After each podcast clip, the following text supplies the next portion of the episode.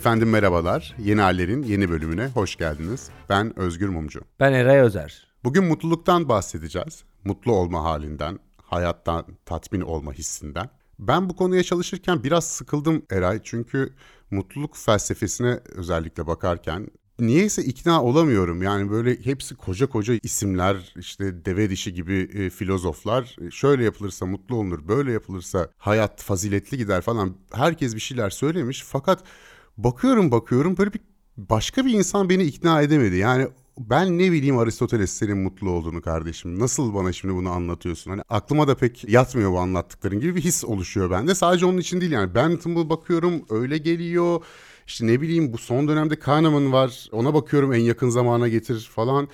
Yani ben pek bir ikna olamadım. İnsanlar beni ikna edemiyor mutluluğa dair tavsiyeleriyle. Ya da işte bu kişisel gelişim kitapları, self-help kitapları, mutluluk üzerine yapılan araştırmalar.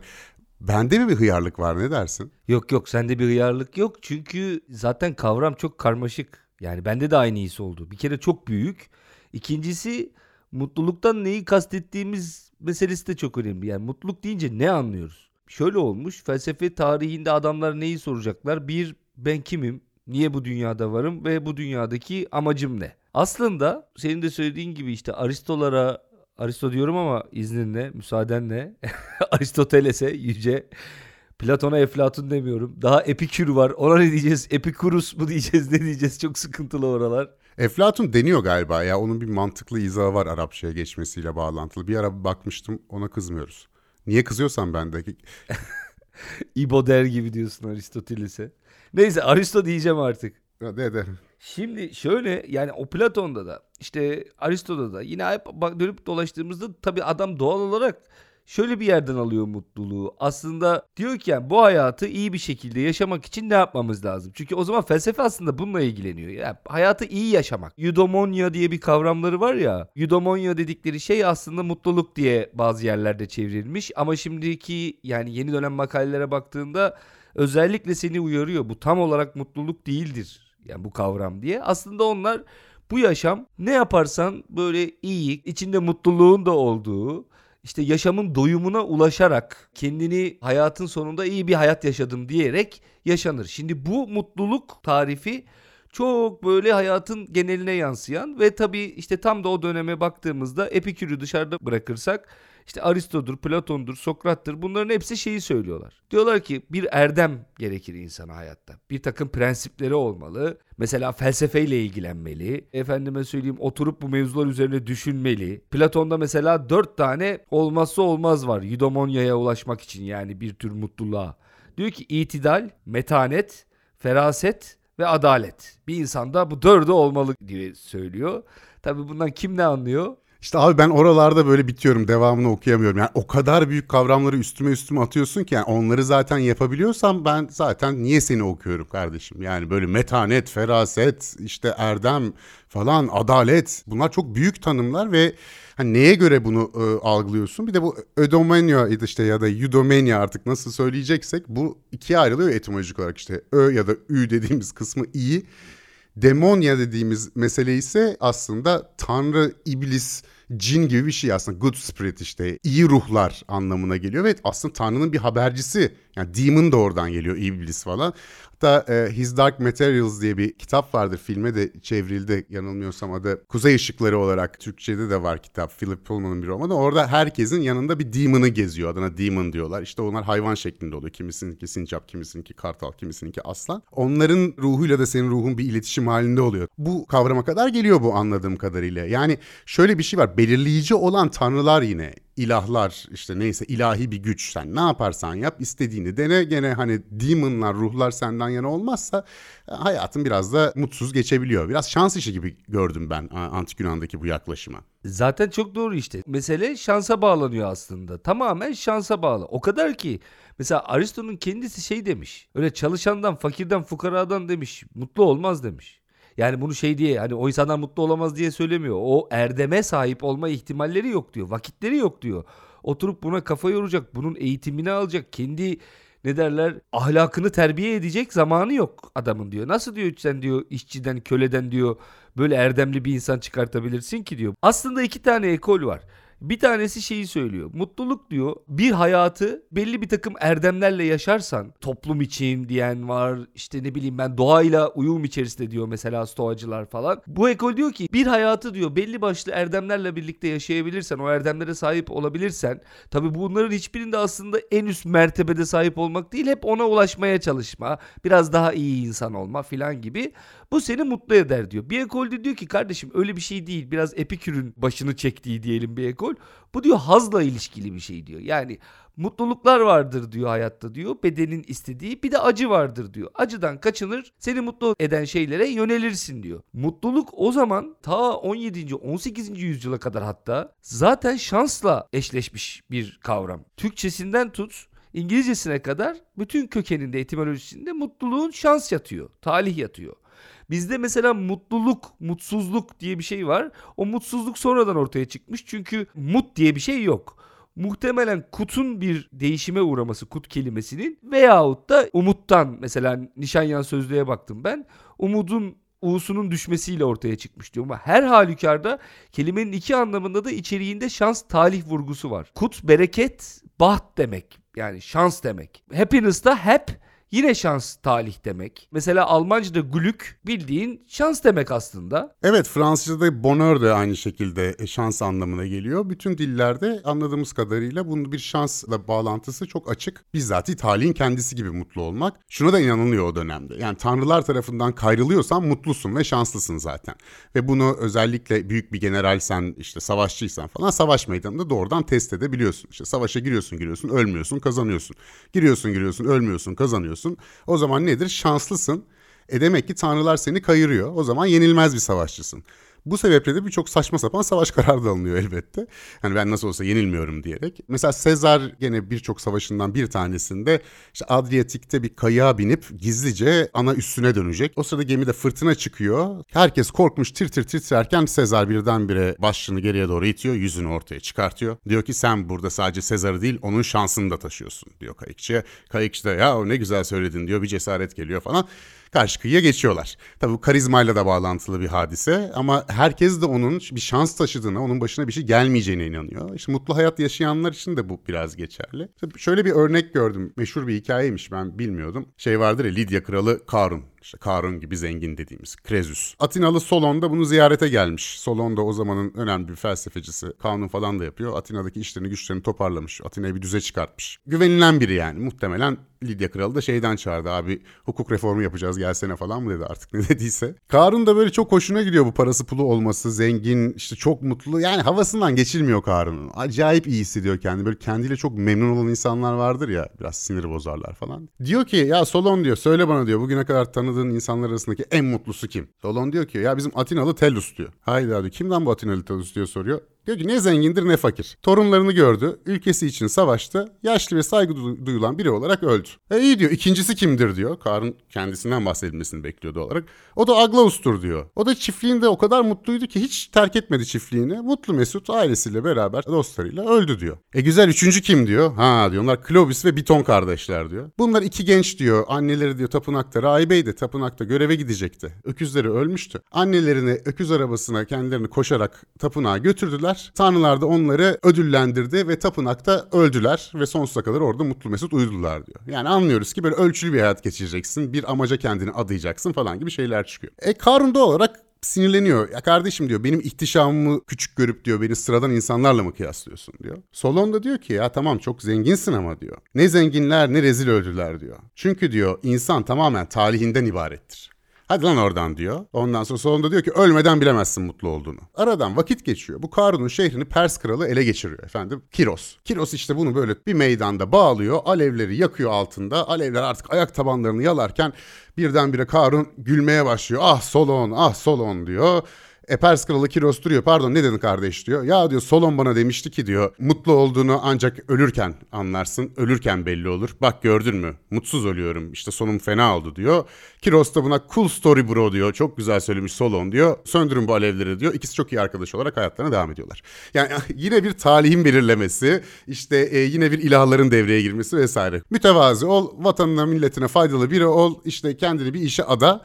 E, ne olacağı hiç belli olmaz bu işlerin diyen bir anlayış var. Evet işte burada yine aynı şey. Yani buradaki aslında kastedilen şey bizim bugün mutluluk diye anladığımız şeyden biraz farklı. Zaten bu Yunan felsefesinde mutluluğun karşılığındaki bu erdem, hayatı doğru yaşama, bazı erdemlere sahip olma. so- Sonra önce Hristiyanlığa ve hatta Musevilikte de benzer bir durum var. Daha sonrasında da İslamiyet'e de sirayet ediyor.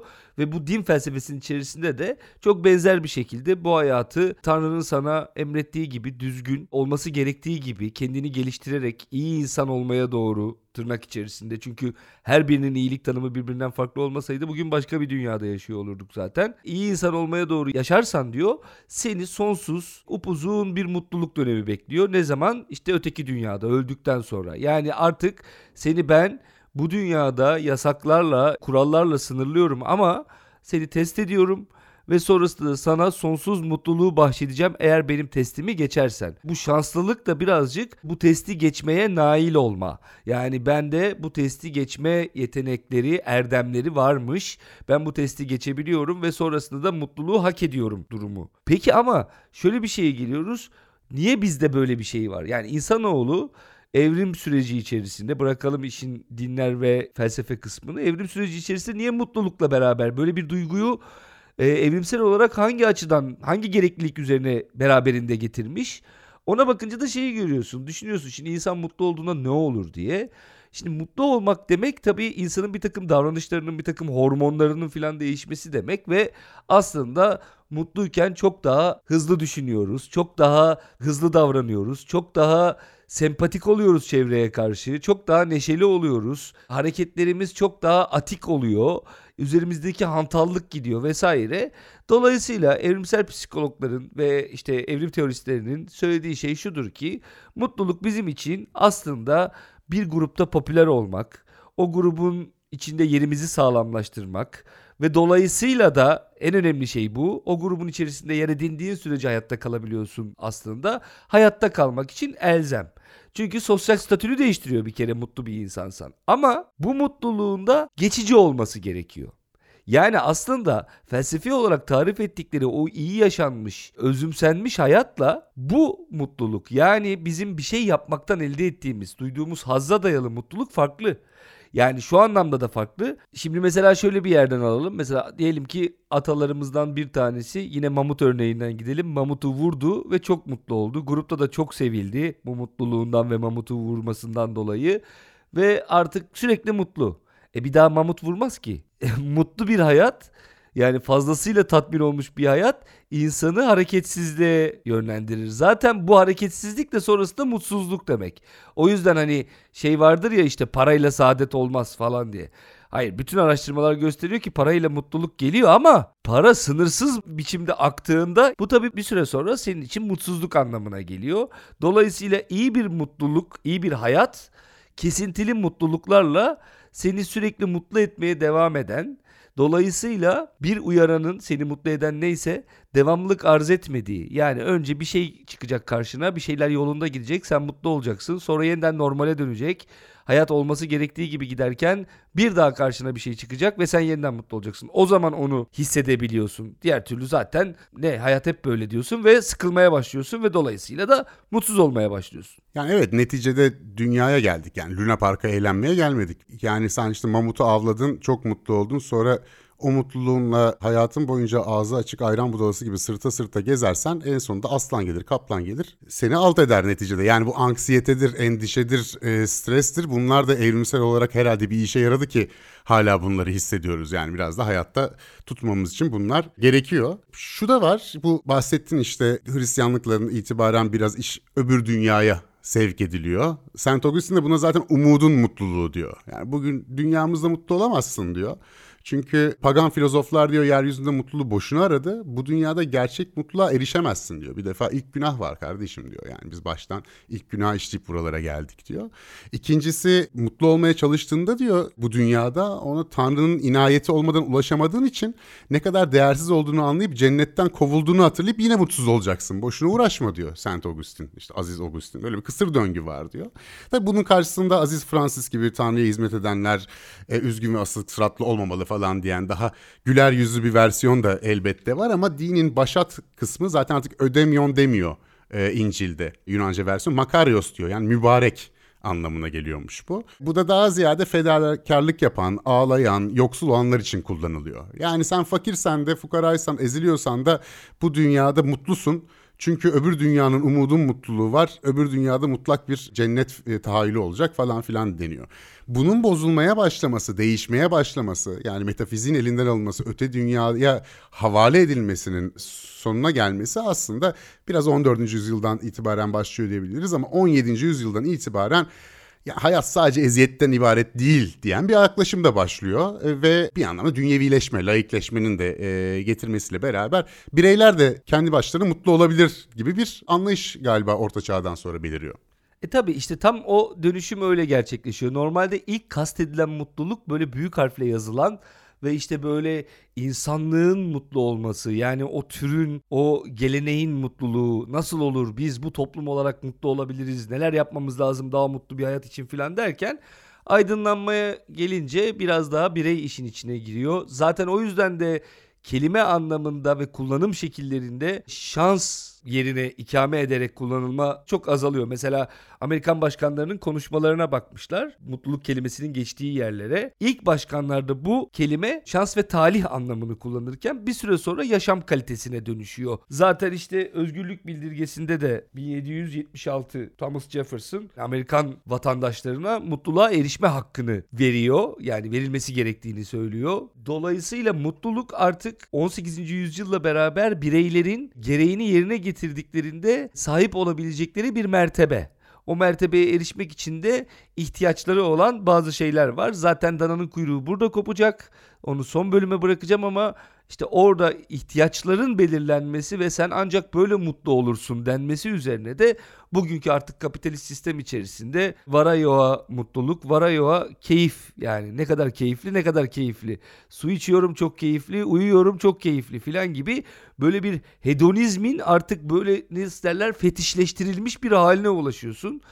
Bir parantez açıp sözü sana bırakayım sen oradan devam edersin. Pozitif psikoloji diye bir şey çıkmıştı ben üniversitedeyken, öğrenciyken. Yani daha önce çıkmış da konu daha popüler hale bizim dönemimizde geldi. Ben 97 girişliyim. Bu pozitif psikolojiden öğrenciyken kıllanmıştım. Dedim ki ya bu nedir abi filan.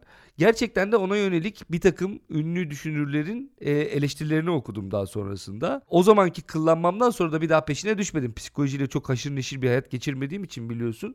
Ama bu konu vasıtasıyla bir daha o konuya baktım dönüp pozitif psikoloji. Çünkü pozitif psikoloji acayip Amerikan bir şey tamam mı? Dünya üzerinde insanların mutluluğuyla ilgili araştırmalar falan yapıyorlar. Bu aslında bana oldu mu olası ben komplo teoristlerine düşkün bir adam hiç değilim ama ta o zaman öğrenciyken bile şey gibi gelmişti. Ya bu nedir pozitif psikoloji? Yani sistemin devamını sağlamak için bütün insanların en azından asgari bir mutluluk seviyesinde buluşması mıdır filan gibi sorular sormuştum. Bu eleştirilerin sadece o zamanki öğrenci aklımla benim düşüncelerim olmadığını da bu konuyu çalışırken gördüm. Bir sürü insan da bununla ilgili çekincelerini dile getirmiş.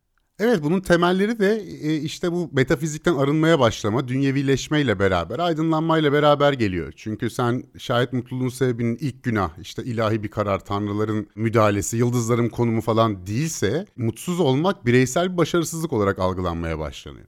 Ama bunu buraya gelmeden evvel de devrimci bir yanı da var. E, bu mutluluk ideolojisi diyebileceğimiz ideolojinin. Mesela Voltaire'in Le Mondain diye bir şiiri var 1736 senesinde. Dünyevi demek. Şiirde diyor ki ben diyor işte çok hoşlanırım diyor incelikten, sanattan, şaraptan, hayattan, keyif almaktan falan diye böyle bir manifesto gibi bir felsefi şiir. Ve diyor ki cennet bulunduğum yerdir. Yani Le Paradis Terrestre où je suis diyor. Yani bulunduğum işte dünyevi cennet diye bahsediyor. Nasıl Belinda Carlisle Heaven is a place on earth demiş 90'lı yılların şarkısında. Yani cenneti dünyada aramaya başlıyoruz. Tamam çok güzel cenneti dünyada arayalım. E, dinlerin üzerimizdeki etkisi giderek azalıyor. E, bunun üzerine bu bireysellik, bu laikleşme tabii ki din tamamen ortadan kaybolmuyor ama dini yorumlar da değişmeye başlıyor. Yani mutlu olmak dindarların da hakkıdır. İyi bir dindar mutlu olur Tanrı'ya hizmetiyle falan gibi dine de biraz yansımaları olmakla beraber aslen e, çok laik ve dünyevi bir anlayış. Ve bu nereye geliyor? Amerikan bağımsızlık bildirgesi. İşte Amerika Birleşik Devletleri İngilizlerle savaştıktan sonra işte bağımsızlık bildirgesini ilan ediyor. Diyor ki bütün insanlar eşit yaratılmışlardır. Onları yaratan Tanrı kendilerine vazgeçilmez bazı haklar vermiştir. Bu haklar arasında yaşam, özgürlük ve mutluluğu arama hakları yer alır diyor. Ve diyor ki bu hakları korumak için insanlar arasında meşru hükümetler kurulmuştur. Yani sen koca devlet kuruyorsun. Diyorsun ki bunun üç tane amacı var aslında diyorsun. Yaşam, özgürlük, mutluluğu arama. Bu üçünü halletmesi gerekiyor diyorsun. Yani bu kadar önemli mutluluğu arama kavramı. Pursuit of happiness diyor. Ki burada da pursuit'in o dönemki kullanımına baktığın zaman böyle agresif bir şekilde hasmane bir tutumla aramak anlamı da geliyor. Yani böyle tutup koparmak mutluluğu gibi böyle hırslı bir fiil o zaman. Bu anlayışın çok devrimci ve toplumları ileri getirici bir tarafı da var. Neticede e, dans etmek, şarkı söylemek, yediğinden keyif almak, bedeni zevkler, başkalarıyla beraber e- eğlenmek bunlar artık Tanrı'ya karşı gelmek değil, doğamıza uygun olanı yaşamaktır e, diye bir görüş giderek ortalıkta yayılmaya başlıyor. Muhtemelen o dönemlerde yaşasak bu görüşten yana olurduk. Çok böyle bir dini taassup altında yaşamaktansa. Bağnazlığa, zulme, batıl itikatlara karşı bir e, aynı zamanda neşeli bir savaş var burada. Fakat öte yandan bireyselleşmesi, dünyevileşmesinin bunun aynı zamanda bir zevk peşinde koşma meselesi de var burada.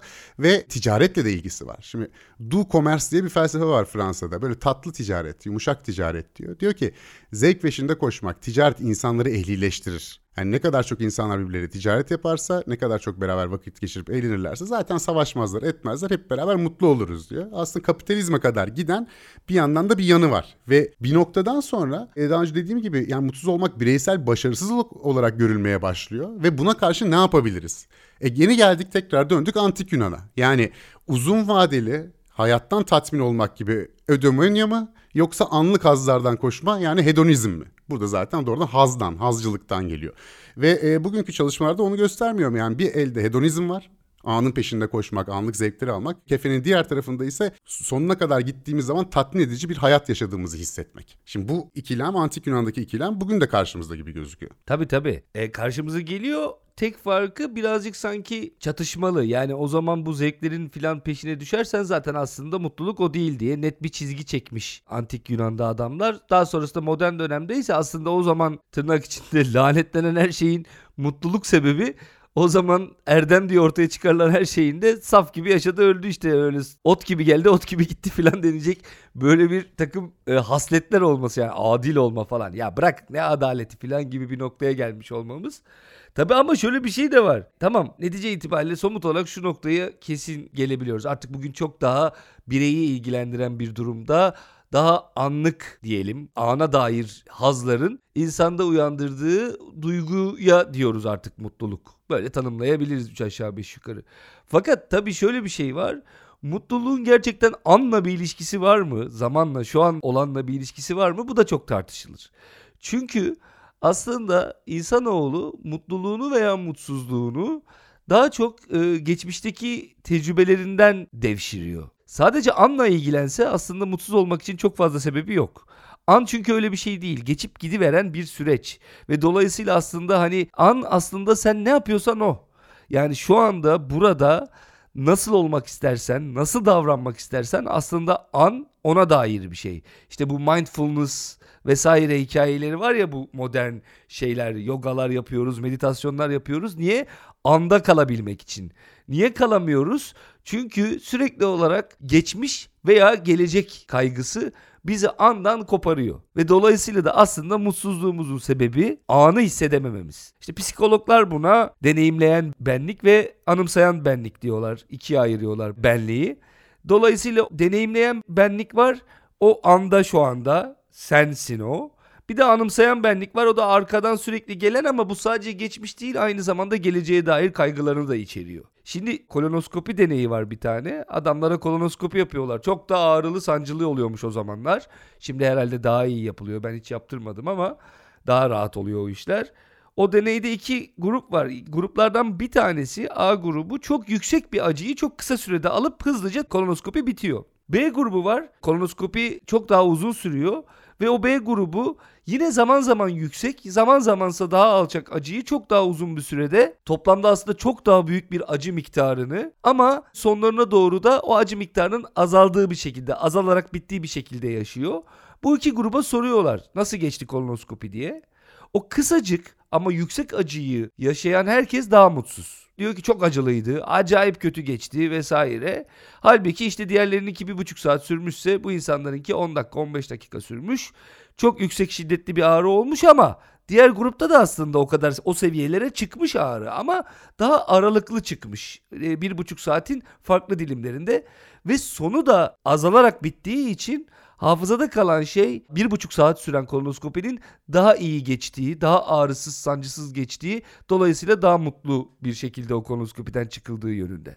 Ya bunları görünce e, insan zaten hani mutluluk denen hadise hakkında bir hayli şüpheye düşüyor. Yani burada objektif olarak görünenle sübjektif olarak deneyimlenen arasında çok önemli bir fark olduğu görülüyor. İşte bu hatırlayan benlikle tecrübe edilen benlik arasında bir çarpışma var. Bir de şöyle bir araştırma var. Bir kazada bir uzvunu kaybedenler, bir piyangoda e, iyi para kazananlar, bir de üçüncü kontrol grubuna yapılan bir test var. Ve burada ortaya çıkıyor ki işte 3 aylık bir süreden sonra yaklaşık olarak bu uzvunu kaybedenlerde tekrar e, yeni duruma adapte oluyorlar ve yaklaşık olarak 3 ay sonra mutluluk seviyeleri bu piyangoda para kazananlarda bir uzvunu kaybedenlerde yaklaşık aynı seviyede devam ediyor. Şey diyenler de var genetik olarak insanların zaten belli bir seviyede mutluluk range'i var. Belli bir seviye içerisinde bir yelpazesi var. Fazla daha mutsuz olamıyor daha da mutlu olamıyor gibi bir takım araştırmalar da söz konusu. Yani o zaman da şunu diyorsun yani acaba haklılar mıydı yani mutluluk kader mi? Hani zaten belirlenmiş bir mutluluk benim bir yelpazem var. Hani bir yer taraflarımı da yırtsam zaten daha mutlu olamayacağım ya da işte en fazla ineceğim yer belli mutsuzlukta gibi hani böyle bir ilahi verilmiş bir e, mukadder bir mutluluk mu var diye de insan soruyor o zaman kendine. Tabii orada şöyle bir durum da var. Mutluluk nasıl ölçülüyor? O da çok enteresan. Çünkü insanlar genelde kendilerini olduğundan daha mutlu beyan etmeye meyyeller. Böyle yolda birisini çevirip mutlu musun? Ha mutluyum falan gibi böyle bir otomatik bir eğilimi var. İnsanoğlu 10 üzerinden ortalamada 7 mutlu. Ama Burada da şöyle bir soru yöneltiliyor. Diyorlar ki mutluluğun kendisiyle ifade edilişi arasında bir fark vardır. Dolayısıyla mutluluğu ölçmek sanıldığı kadar kolay değildir. Amerika'da bir çalışma yapıyorlar. Muhafazakarlarla liberaller arasında. Muhafazakarlar daha mutlu çıkıyorlar. Bayağı net biçimde. Aa diyorlar ki işte dinin insanı birleştirici etkisi, işte grup faktörü, o gruba bağlı olarak birbirleriyle dayanışma, yani o dini kurumların vesairenin yarattığı dayanışma yüzünden muhafazakarlar daha mutlu çıktı. Daha sonra araştırmayı derinleştiriyorlar ve mutluluğa referans olabilecek bir takım davranışlarını gözlemeye başlıyorlar. Nedir bu? İşte kaç kere güldüğü, sosyal medyasında attığı tweetler her şeyini bir insanın hayatını inceleme altına alıyorlar. Bir bakıyorlar ki liberaller daha mutlu. Ama muhafazakarlar kendilerini olduğundan daha mutlu göstermek eğilimindeler. Yani birazcık mutluluklarını abartıyorlar. Bir bir tane daha araştırma söyleyeyim o da çok ilginç. Nasıl insanın davranışıyla sözlerinin tutarsız olduğunu göstermek açısından ölçümlerde. İyilik ve mutlulukla ilgili Princeton'da bir seminer vermesi isteniyor öğrencilerden. Ve diyorlar ki işte seminere şu saatte şurada geleceksiniz. İnsanın ancak iyilik yaparak mutlu olacağını anlatan bir seminer. Bu insanların yolunun üstüne seminere giderken yaralı bir adam koyuyorlar. Adam acı çekiyor yerde. Diğerleri de ama seminere geç kalmışlar. Seminerin saati son dakikada değiştirilmiş ve hızlı bir şekilde seminere yetişmek zorundalar. Abi %47'si üstünden atlayıp gidiyor. Neredeyse yarısı. Neye gidiyorlar? Yani yaralı bir insana neyin var diye bile sormuyor %47'si. Mutlu olmak için insanlara yardım etmenin ne kadar önemli olduğunu anlatmaya yetişmek için. Yani sözlerimizle davranışlarımız arasında genellikle büyük bir tutarsızlık var. Mutluluğun ölçülmesi meselesinde de böyle bir sorun ortaya çıkıyor. Kime mutlu, nasıl mutlu dediğimiz çok değişkenlik gösteriyor aslında. Bunu da akılda tutmakta fayda var diye düşünüyorum. Ya denemişler 1880'lerde hedonimeter diye, hedonimetre diye bir cihaz en azından tasarlanmış ama hayata geçmemiş. Francis Edgeworth isminde bir bilim insanı tarafından. Fakat günümüzde 2008 senesinden beri e, Vermont Üniversitesi'nde Peter Dodds'la Chris Stanford'un e, hedonimeter.org diye bir sitelerinden takip edilebilecek bir projeleri var. Bunlar günde 50 milyon tweet'i değerlendiriyorlar 2008 senesinden bugüne kadar. O internet sitesinde de o tweetlerde yer alan kelimelerin içerdiği anlamlara ve o kelime çiftlerinin ya da üçlülerinin birbirleri arasındaki anlamsal ilişkilerini çözebilecek bir makine öğrenmesiyle çalışan bir yapay zeka üretmişler. Giderek de geliştiriyorlar onu. Yani şöyle söyleyeyim bütün bu tekniklerin sonunda yapay zeka bu IMDb'deki film eleştirilerinin negatif mi pozitif mu olduğunu %94 oranında bilebiliyor. Bu herhangi bir insan kadar aynı neredeyse. Çünkü sarkazm ve ironiyi kaçırabiliyor yapay zeka. İnsanlar da çoğunlukla sarkazm ve ironiyi kaçırabildiği için en az standart bir insan kadar algılayabiliyor.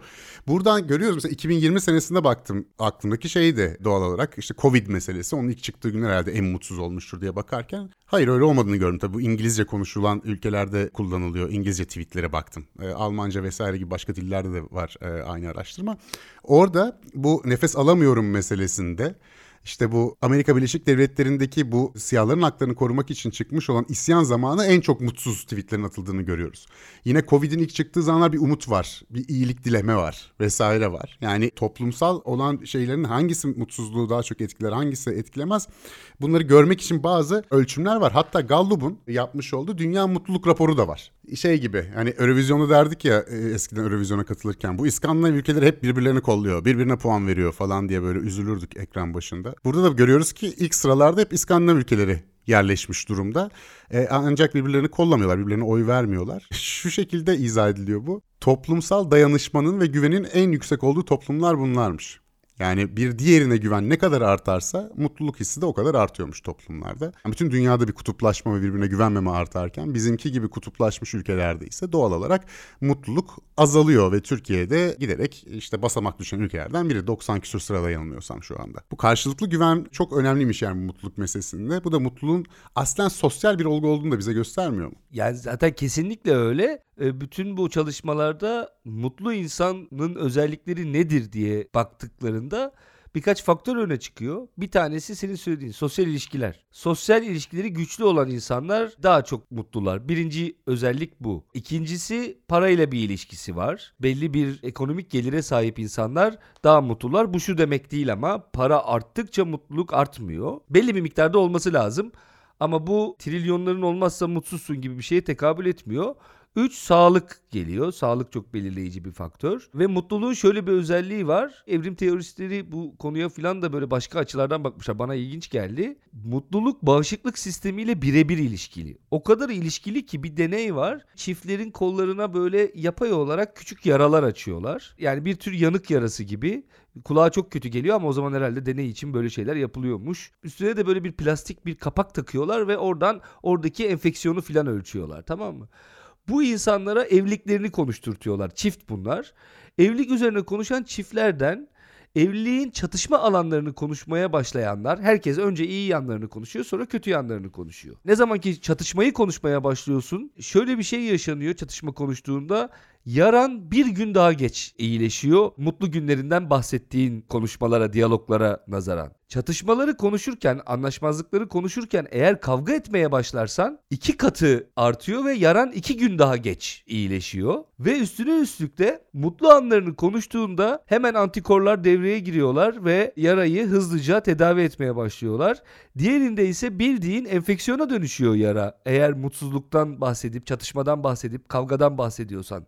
Dolayısıyla evrim teoristlerine bağlayacak olursak bu yaşlılar daha çok iyi hatırlama eğilimindedirler derler ya. Diyorlar ki yaşlıların iyi hatırlamaktan, mutluyu hatırlamaktan başka şansları yok çünkü o bağışıklık sistemine ihtiyaçları var. Eğer sürekli bir olumsuzluktan bahsederlerse bağışıklık sistemleri çok daha çabuk devre dışı kalacak ve çok daha hızlı ölecekler demektir.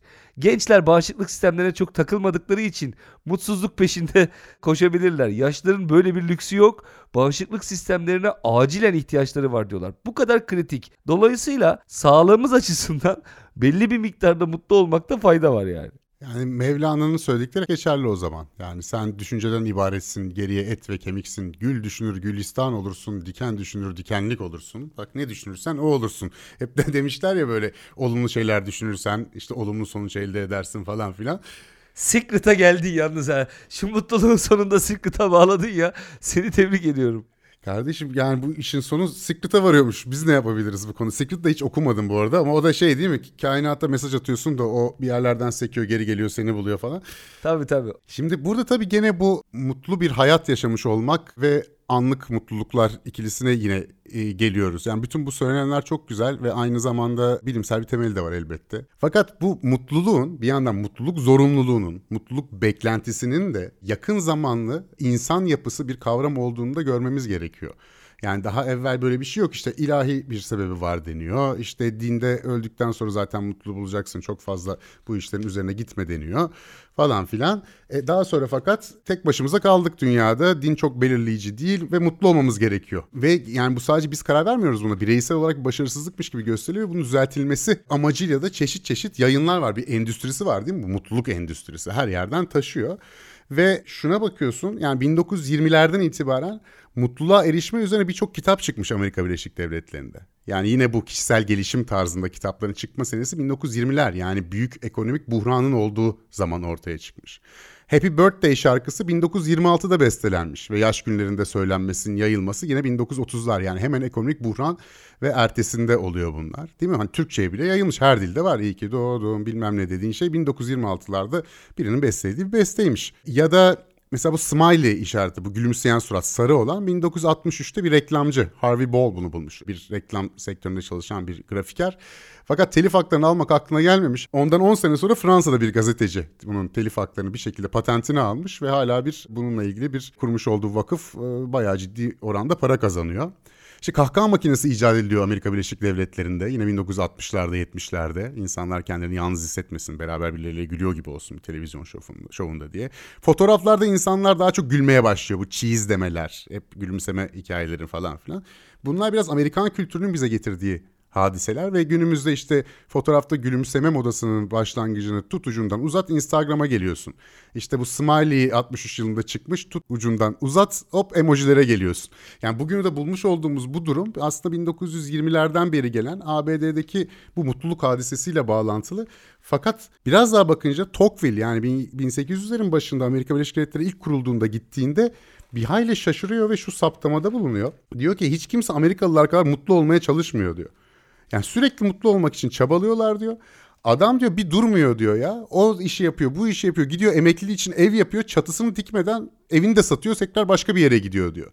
Yani bu ABD'nin kuruluşundan itibaren zaten bir yerinde duramama, bir mutlu olmak için sürekli bir yerlere saldırma durumu varmış. E, muhtemelen de işte bu kapitalist dönüşümü çok sert yaşayan ülkelerden birisinin olmasından da kaynaklanıyor olabilir. Ama şu anda bu zorunluluk var. Yani mutlu olmazsak bir hata yapıyormuşuz gibi herkes mutlu biz değilmişiz gibi bir atmosfer içinde yaşıyoruz ve bu mutluluk baskısı da bana bir hayli sıkıcı geliyor. Yani hakikaten de o kadar mutlu olmak zorunda da değilim yani ben kendi halime böyle ne bileyim e, çok fazla mutlu olmadan da işimi gücümü hallediyorum, yapıyorum. Arada eşle dostla buluşuyorum, mutlu oluyorum ama üzerime gelmeyin diye böyle bir plastik bir mutluluk, bir neşe insan hissetmiyor dil çevresinde ve ister istemez de bir baskı oluşturuyor herhalde bu. Sende oluyor mu böyle bir baskı? Baskı üzerimde yaratılış itibariyle ben çok hissetmiyorum ama hani söylediği şey çok doğru. Böyle bir sevgi kelebeği olma zorunluluğumuz varmış gibi hayatta.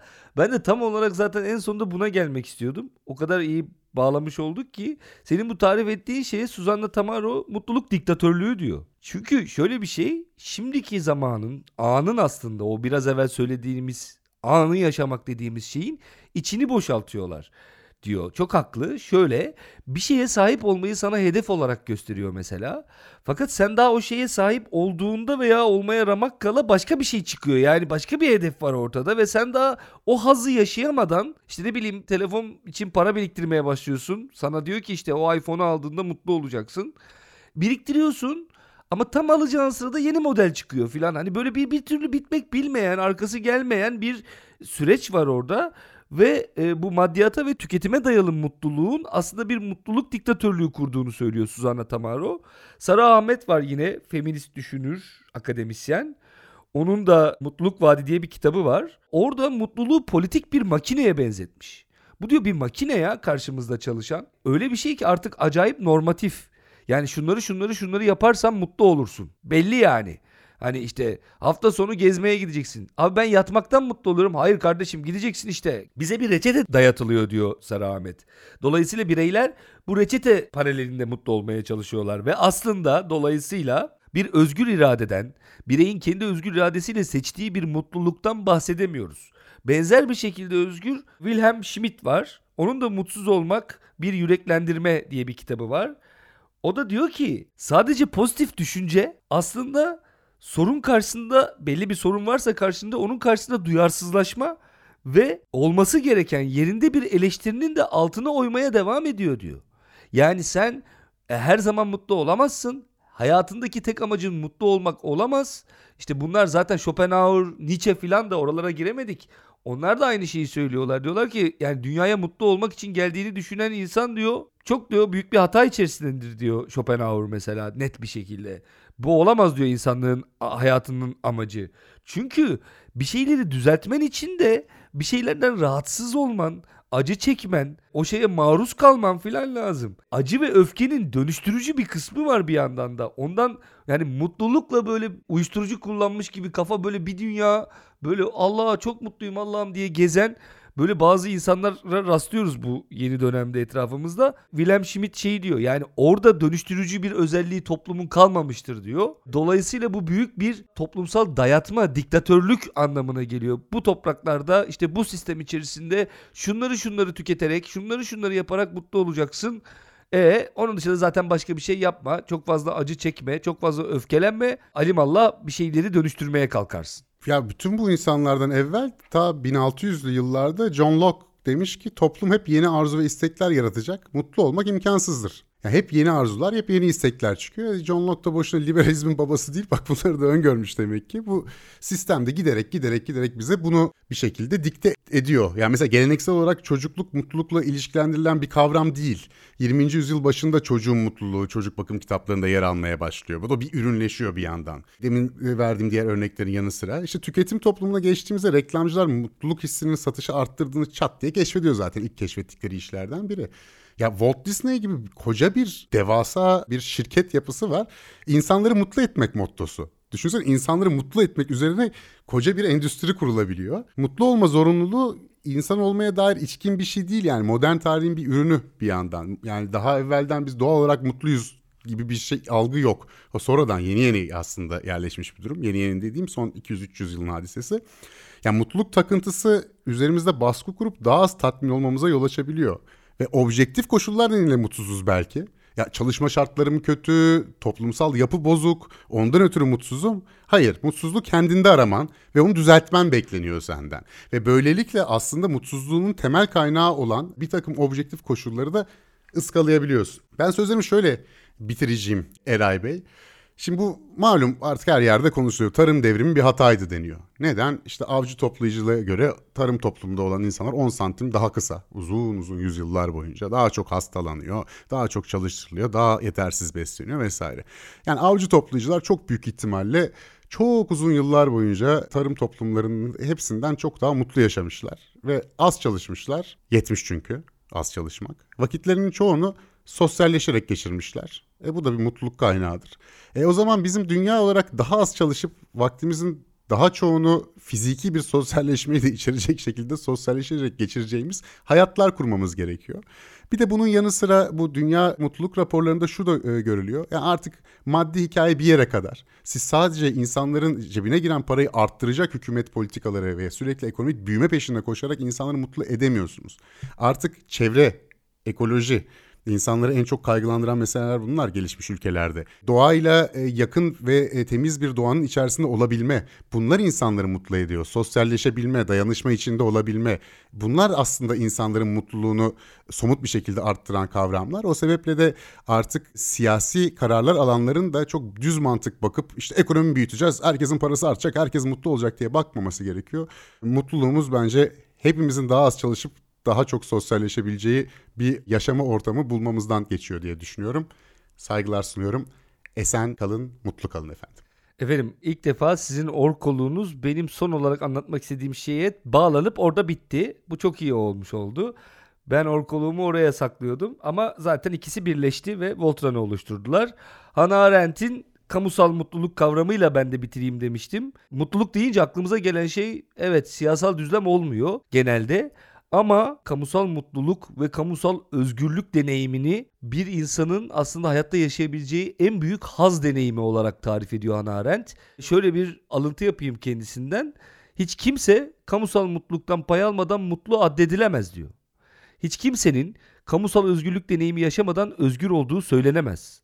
Ve hiç kimse kamusal iktidara katılmaksızın ve orada bir pay sahibi olmaksızın mutlu ya da özgür olamaz. Bu şu demek, sistem hepimizin teker teker bireysel olarak mutlu olmamızı tek çıkış yolu olarak gösteriyor. Çünkü hepimizin toplu halde mutlu olacağı bir talep durumu sistemi aslında zor durumda bırakıp insanı daha da yüceltecek, insanı daha da e, varlık sebebine, hayatta varoluş sebebine uygun bir halde yaşatabilecek bir çözüm olabilir ve sistem bundan korkuyor pek tabii ki. Ve Hannah Arendt'in söylediği şey şudur. Tam da diyor birlikte hareket etme deneyimi bizi mutlu ettiği için, bu deneyimin kendisi de bizi mutlu ettiği için aslında çok büyük bir mutluluk yaşıyoruz böyle bir deneyimin içinde yer aldığımızda. Hepimiz kendimize baktığımızda görebiliriz. Kadın yürüyüşlerine baktığımızda orada ne kadar büyük bir mutluluğun, eğlencenin, bir arada olma, oradaki o direnme ruhunun ne kadar büyük bir mutluluğa tekabül ettiğini kaldı ki ben de kendi adıma çok net bir şekilde söyleyebilirim ki benim de hayatta herhalde en mutlu olduğum zamanlar gezi zamanlarıydı diyerek Herman Hesse'den bir alıntıyla bitireyim efendim ben. Yine bir şiir buldum konuya. Bu arada şiir okuyan insan olarak adım çıkacak ama alakası yok. Şey şiir güzel yani konuyu bağlıyor o yüzden. Hesse diyor ki mutluluğu aradığın sürece mutlu olacak kadar olgun değilsindir ve ulaşacak kadar her istediğine. Kayıplara yakındığın sürece ve hedeflerin varsa durmadan yöneldiğin bilemezsin huzur nedir diye. Vazgeçersen şayet her arzudan ne hedef ne de istek tanıyıp mutluluğu artık adıyla anmıyorsan o zaman olup bitenlerin akışına dayanamaz yüreğin ve ruhun erişir huzura. Efendim sağlıcakla kalın bir sonraki bölümde görüşmek üzere. Merhaba. Bu bölüm biterken size ufak bir notumuz var. Yeni hallere destek olmak, bültenimize, konuklu özel bölümlerimize ve köşe yazılarımıza erişmek için Patreon hesabımızı ziyaret edebilirsiniz. Hesaba ulaşmak için patreon.com adresine yeni haller yazıp aratmanız yeterli. Teşekkürler.